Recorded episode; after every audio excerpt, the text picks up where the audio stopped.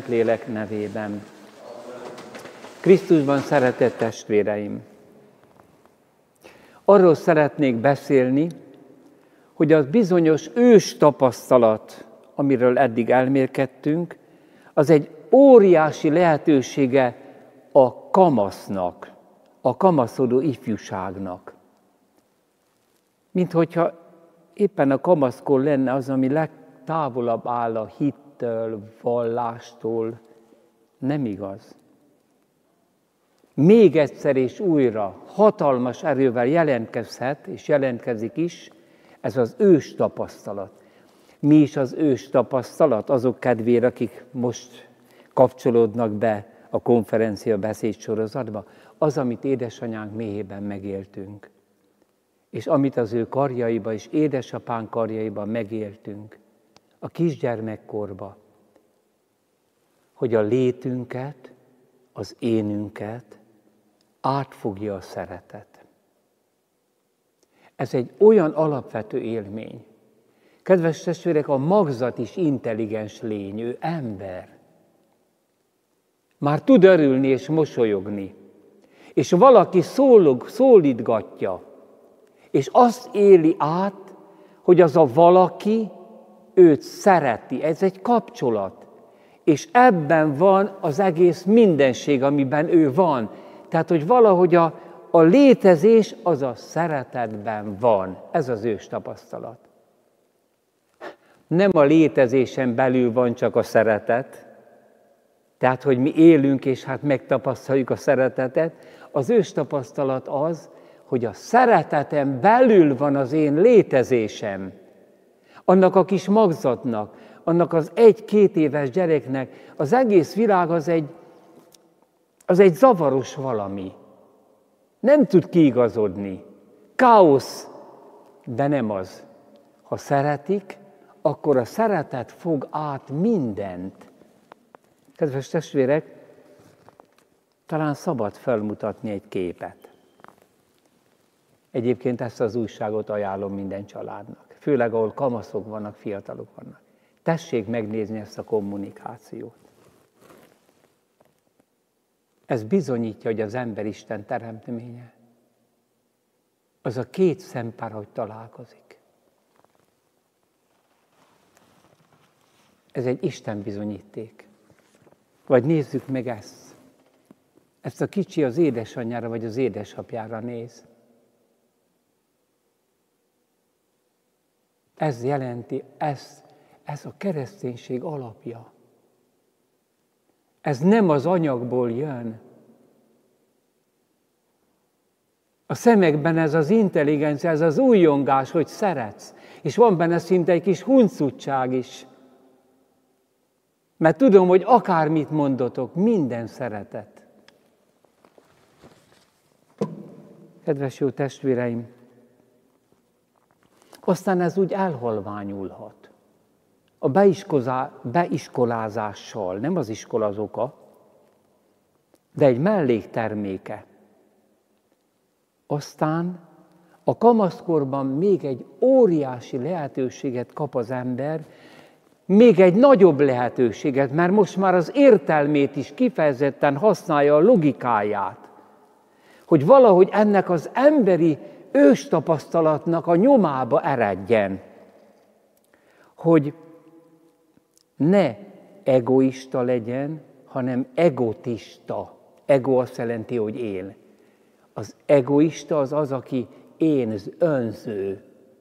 Önző, én vagyok a központ, senkit nem érdekel semmi, csak az, ami nekem jól lesik, nagyon elcsúszhat itt a kamasz, főleg el van kényeztetve. Én, én, én, és nem érdekel semmi, és csak annyiban érdekel, amennyi nekem, amennyire nekem jól esik. A másik az egotista, így nevezném, ez más. Ez azzal foglalkozik, hát hogy honnét az én. Hát erre nincs egy tantárgya tizenéveseknek. Hogy most gondolkodj el. Hát ez nem a főemlősöktől van. Ez a tekintet nem a majomoktól van. Darwin megkísértetett, mert az első művébe azért azt írja, hogy az első élősájt az Istentől van. Kedves testvérek, a Darwin izmus, az izmus, az nem Darwin meglátás, az nem természettudomány. És nagyon teheti a kamaszt. A kamasz most egy új, olyan állapotba kerül, amikor a szerelem, a barátság, hogy, hogy az a kislány, vagy az a lány, az a fiú, hát az nem rokon, nem is ismertem. És azt mondja, hogy jó, hogy vagy. És persze hát a tulajdonsága is szereti, de nem. Érzi az a kamasz, ha egészséges, hogy most egyszer, még egyszer, vagy először, ha a családban nem kapta meg. Valaki akarja, hogy én létezzem. Mint hogyha Isten felhasználna az emberi szeretetet arra, hogy kimondja, hogy én teremtettelek. A szeretet végső soron azt akarja, hogy ha nem lennél, akkor én szeretnélek téged megteremteni. Kedves testvérek, és milyen megdöbbentő az, hogy pontosan ebben a korban valami teljesen, teljesen egy ellennevelést kap a kamasz. Mint hogyha kezdene elhalványulni az az ős tapasztalat, amit a kisgyermek megérez. A kisgyermeknek nagyon sok minden evidens. Evidens az azt jelenti, hogy áttetszően ragyogó, nem kell magyarázni. A magzatnak és a kis csecsemőnek, az egy-két éves gyereknek nem kell magyarázni az, hogy mi az, hogy én, mi az, hogy szeretet. És hogy a szeretet fogja át a mindenséget, és hogy anélkül semminek nincs értelme. Ez neki evidens. Éppen ezért a gyermeknek, a három éves gyermeknek is nem reflektál arra, de evidens, hogy van én. Bár érdekes, nagyot esik, sír, és azt mondja, hogy elesett a pistike. És akkor kiavítják, hogy kisfiam nem azt mond, hanem azt mondta, hogy elestem én. És mondja, hogy elestem én, de még nem érti, de érzi. Értelmileg kezdenek rád, kezdenek, kezdik segíteni rádöbbenni arra, hogy milyen csoda az, hogy én. Ugyanígy van a gyermek Istennel. Evidens neki. De annyira evidens, hogy nem is beszél róla, és nem is kell róla neki okvetlenül úgy beszélni, hogy Isten létezik, hanem imádkozni kell. Ezért van igaza Szent John Henry Newmannek, amikor azt írja, nem tévedünk, amikor azt állítjuk, hogy a gyermeknek a lelkében megvan a láthatatlan lény képe, aki állandóan gondoskodik rólunk, aki mindenütt jelen van, aki olvas a szívünkben, akihez mindig szólhatunk. Ez a jó Isten képe, aki maga a jóság, aki a jó gyermekhez bármilyen befejezetlen legyen is, még mielőtt tudatosan gondolna rá, mielőtt fogalmak által megismerné, már benne él ez a kép. Még nem tudja megmagyarázni vagy meghatározni az Isten szót. Lehet, hogy idegen is, amikor azt mondják neki, hogy Isten, de nem idegen neki Isten. Mert hiszen a dolgokat sem tudja megmagyarázni, és tudja, hogy vannak dolgok. Az Isten neki többet jelent, mint egy szó. Sose felejtem el azt, már többször elmondtam példának, mert nagyon megdöbbente. Azt lehet, hogy ez az újságíró papa írta le. Lehet, hogy megtért. Már nem emlékszem magára a történet körülményeire, de a történetre magára igen. A kislányának az ateista olasz, hát hogy lehet egy olasz ateista, de hát van ilyen. Elkezdte magyarázni azt, hogy hát, hát már megkérdezte a kislánya, 5-6 éves lehet, hogy hát honnét vannak a csillagok, meg a világ, minden, és hát akkor az ős robbanásról beszélt, meg mindenféle, hát kegyetlenül unatkozott a kislány. Aztán azt mondta, hogy persze, hát vannak még olyan maradi középkori buta emberek, akik azt mondják, hogy egy jóságos Isten teremtette.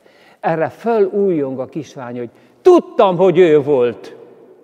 Tudtam, hogy ő volt. Leugrott az apja öléből, és futkosott a szobába. Tudtam, hogy ő volt. Kedves testvérek, ahogyan ez evidencia a gyermeknek, ez a létet átfogó szeretet. Most akkor, akkor micsoda merénylet az, amikor a kisgyermeknek nem beszélnek, amikor már a dolgokról beszélünk, nem szólnak neki Istenről. Nem imádkoznak. Iszonyatos merénylet egy gyermek ellen, ha nem látja és nem hallja, hogy imádkoznak a szülei. Mert hiszen előfordul, hogy a nagypapa meghal. És megkérdezik, hogy ti is meghaltok? Pedig hát abban a szeretet élményben az voltám benne, hogy nincs halál. Itt is van egy, ér, egy érintkezése a gyermeknek az Istenről. Sokat tud. Például azt tudja, azt mondja, ha hall a halálról, hogy ugye anya, te nem halsz meg. Hát anya meg apa nem halhatnak meg. Tudjátok, mi van ebben? Az a tapasztalat, hogy az a szeretet, amely átfogja a létezésemet, amiben fönnáll minden, az nem szűnhet meg. És nem segítünk neki, hogy mi elmegyünk hozzá a te igazi atyádhoz, a mennyei atyához. Kedves testvéreim, micsoda merénylet éri ezeket a tiszta szemű kicsi gyermekeket. Amikor nem beszélnek nekik Istenről. Szent János első levelében azt írja, hogy Isten a szeretet. Hm. Nagyon megdöbbentő két dolgot mondok. Tertullianus,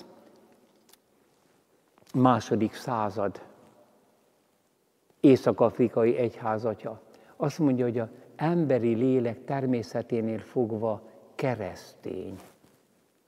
Hú, de fölháborodnának ezen sokan most, azért mert nem értik. Nem azt mondja, hogy, a, hogy tudja a hittant, hanem erre utal Tertullianus. Csak ez a pogányba el lett nyomva. Úgyhogy az ember arra születik, hogy a szeretet az való. Ugyanakkor Szent Ágostont is idézem, egy még pogány római birodalomban az egyik prédikációjában azt mondja, kimerte volna közülünk azt mondani, hogy Isten a szeretet. De most úgy képzeljük el ezt, hogy visszamegyünk Észak-Afrikába, ott vannak a hívek, Ágoston prédikál, de ezek a hívek, ezek nem, pár évvel ezelőtt még pogányok voltak. És Ágoston 30 évig pogány volt. Tehát van ennek egy kortörténeti, hogy mondjam én, csengése. Ki merte volnunk, volna közülünk azt mondani, pogányok közül, a keresztségünk elől, hogy előtt, hogy Isten a szeretet. Hát az Istenek nem szeretnek. A mai Istenek se. A világenergia nem tud szeretni. A dalai láma azt mondta, hogy a mi vallásunkban nincs Isten. Nincs Isten. Nincs valaki. Ez kell neked Európa? Ez felel meg annak a paradicsomi létnek, amit gyermekkorunkból legtöbbször megtapasztaltuk. Kedves szülők, ne id idegeskedjetek azon, hogy mi mindent nem tudtok megadni annak a gyereknek. Istent adjátok meg, de a szerető Istent. És a beiskolázásával, a gyermek beiskolázásával, hát tulajdonképpen két veszély fenyegeti ezt a gyermeket. ezt az élményt. Az egyik az, hogy mikor kezd rákérdezni, hogy mi ez, mi az, mi amaz, és mondják neki, hogy hát ez egy kiskutya. Hát e, e, ez meg a cseresznyefa. Meghatározásokat. De mikor ma azt kérdezi, hogy miért, miért, miért, na akkor iskolatáskát kap a hátára, és mehet, tanulhat. Igen ám, most jelentkezik a világnak egy új ö, értelmezése. Most a racionalitás kezdi átfogni a világot. Az, ahogyan működik. És hát ez jó, hogy ezt megtanulja. De ha elhalványul közbe az, hogy az dolgok létét a szeretet fogja át, akkor ott egy ellennevelést kap. Ott előkészítjük őt egy rettenetes életre. Amikor ez a kettő szétnyílik, hihetetlen. Akkor a kamasz totálisan előkészületlen lesz a legnagyobb kamasz élményre, a szerelemre, meg a barátságra. Pedig a kamasznak óriási lehetősége van. Miért? Felfedezi az egót, az ént. Ezért lázad sokszor. Hagyjatok, én, én akarom, én akarom megért. Nekem ez az ízlésem. Tulajdonképpen azért ezekben a kicsit erőszakos kijelentéseiben egy nagyon nagy pozitív élmény van. Óriási módon felfedezi azt, hogy ő egy személy. Persze, az ezzel együtt azt is felfedezi, hogy hát én azért maga, magam vagyok. Ott benn nincs senki. Egy hihetetlen magányt is átél. Vagyis szomjazza az én-te kapcsolatot. De nem akármilyent, hanem amit megtapasztalt a gyermekkori kapcsolatokban, a szülőkkel, a szerető testvérekkel. Most, most van arra fölkészülve, hogy, hogy megértse Krisztust. És akkor mit kap hittanórákon? Erre válaszolnak neki? Bemutatják-e neki azt, hogy te bármennyire furcsadnak tűnik most a mise, az énekek, az egész vallás. Neked meg fogom mutatni, hogy pontosan arról szól, amire, amire a szíved dobog éjjel-nappal. Ami most megdobogtatja a szívedet úgy, ahogy soha eddig.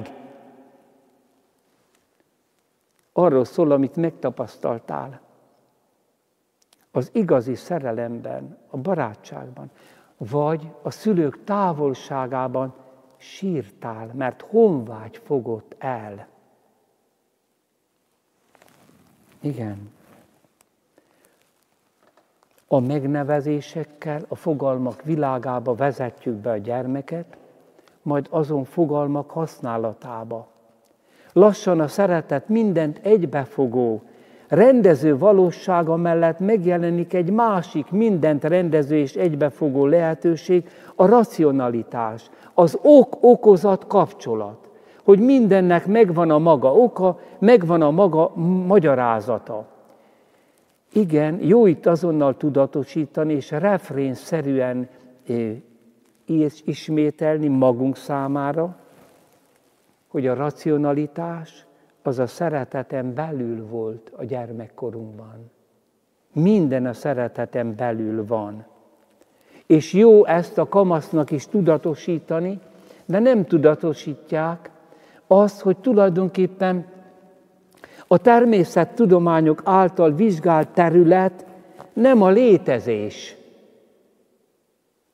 A természettudományok azt vizsgálják, hogy milyenek a dolgok a fizika, a kémia, de még a pszichológia is, a pszichének a törvényeit, de nem tud foglalkozni a természettudomány a szeretettel. Mert a szeretet a szabadság világába tartozik. Nem tud foglalkozni a létezéssel, mert nincs két kiló létezés, meg öt méter létezés. De a létezés van, és az énem létezése is van. Pontosan ekkor érik meg rá arra, hogy egy magasabb szinten most már értelemmel is rányisson az embernek a misztériumára. Mert a racionalitás, az ok-okozat, összefüggés nem elégíti ki az embert. Soha senkit. A természet tudós sem. Csak a szeretet. Nagyon nehéz persze kitartani az ős tapasztalat mellett. Vagyis újra és újra olyanná lenni, mint a gyermek. Pedig ha a forrástól indulunk el, akkor eljutunk az óceánig. A forrás kapcsolatban van az óceánnal. Az ős tapasztalat kapcsolatban van a Szent Háromság Istennel, az örök élettel és a föltámadással. Ha forrás tapasztalatban kitartasz, akkor, akkor nem lesz baj. Megérzik a fényt a gyökerek. Akkor az életedben nagyon sokszor a szeretet megvilágosítja ezeket a gyökereket. Persze nem könnyű a forrás élménybe kitartani, mert a világban annyi a szeretet megszakítás, annyi a gyűlölködés, hogy kísértve érzi magát az ember, hogy az ős tapasztalatot olyan gyermekkori idélnek, mítosznak tartsa, meg nem is lehet kísérletezni vele, nem lehet lemérni. Legtöbbször ezzel az ős tapasztalattal való szakítás az oka a Krisztussal való szakításnak. Milyen nagy dolog az első áldozás és a fölkészítés az első áldozásra. Mert ott már a kiskamasz is érez valamit. Le is szakad a szüleitől bizonyos szempontból, meg nagyon is kötődik hozzá. És akkor ebben, ebben a krízis állapotban azt mondani neki, hogy az Jézus, aki föltámadt a halálból, az Isten fia, nagyon szeret téged. És amikor az átváltoztatott kis ostját magadhoz veszed, akkor az nem a gyomrodba megy ám Jézus, hanem oda, ahol azt mondod, hogy én, ahol egyedül vagy. Mindig veled lesz. Mindig. Soha sem leszel egyedül. Ha ezt így vezetik be, akkor az első áldozás nem lesz utolsó áldozás, hanem egy hatalmas mozzanat a Krisztus élet kibontakozásában. Igen. Jöjjetek hozzám minnyájan, kik elfáradtatok és megvagytok terhelve, és én felüdítelek titeket. Mondja majd Jézus a küzdelembe kifáradt kamasznak. Az élet közepén elbátortalanodott ezüst lakodalmasoknak, házasoknak. Vegyétek magatokra igámat, tanuljatok tőlem, mert én szelíd vagyok és alázatos szívű, és nyugalmat találtok lelketekben. A görög szó a szombati nyugalmat jelenti, amit az Ószövetségben megígért Isten, a sábbát.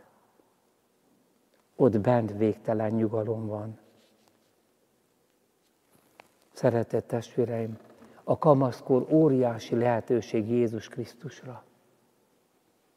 Az én átélése mellett az énnek a létezésére való figyelem. A szeretet fölületes átélése helyett a szeretet forrásának a keresése. És a világ újra egybefoglalásának a lehetősége. Mert hiába tud egyre többet fizikából, kémiából, most már készül talán majd az érettségére, az egyetemre, és hát látja azt, hogy a világban az sok-sok evilági igazság, természettudományos igazság úgy összetartja a világot, de engem nem tart össze. Az én az csak egy tevel kapcsolatban van. Kedves testvérek, József Ratzinger 16. Benedek pápa a Végidő című könyvében írja,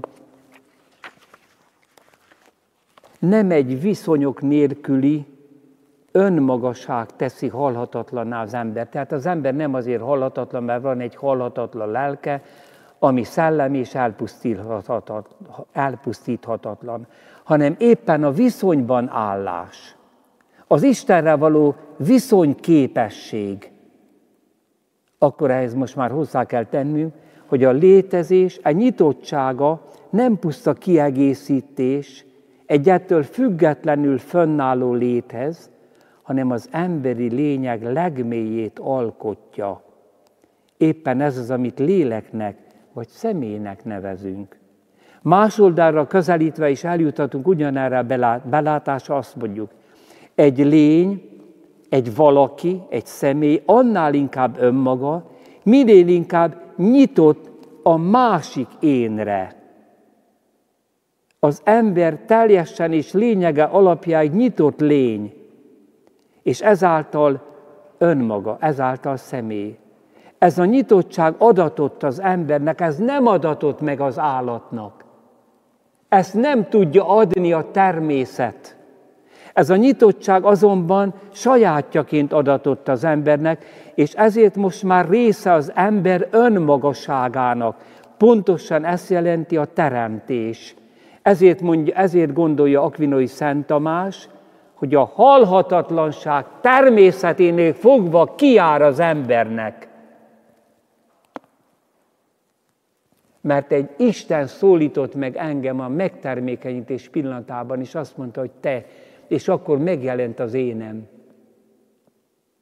Ezért van énem, ezért létezek én. És Isten ezt a kapcsolatot nem szünteti meg. Bár széthullunk, mert elszakadtunk tőle, de Krisztusban újra egyesít mindent. És éppen tovább menve, Isten is halhatatlan, vagy pontosabban fogalmazva, viszonyokban megvalósuló szent háromságos szeretetként halhatatlan. Isten azért halhatatlan, mert szent háromság. A szeretet halhatatlan. Ismétlem azt, amit egyszer talán François Varillon mondott, híres jezsuit atya, hogy amikor Szent János azt mondja, hogy Isten a szeretet, akkor ez egy abszolút kijelentés. Ez olyan kijelentés, mint hogy azt mondom, hogy ez az. Ezt fordítva is mondhatom. Az ez. Tehát Isten a szeretet, szeretet az Isten. Akkor Isten nem halhatatlan, mondja Varion. Nem, csak szeretet. Az Isten nem örökké való? Nem, csak szeretet. Az Isten nem mindenható? Nem, csak szeretet. Az Isten nem minden tudó? Nem, csak szeretet. De a szeretet halhatatlan, a szeretet örökké való, a szeretet minden tudó, és a szeretet mindenható. Amen.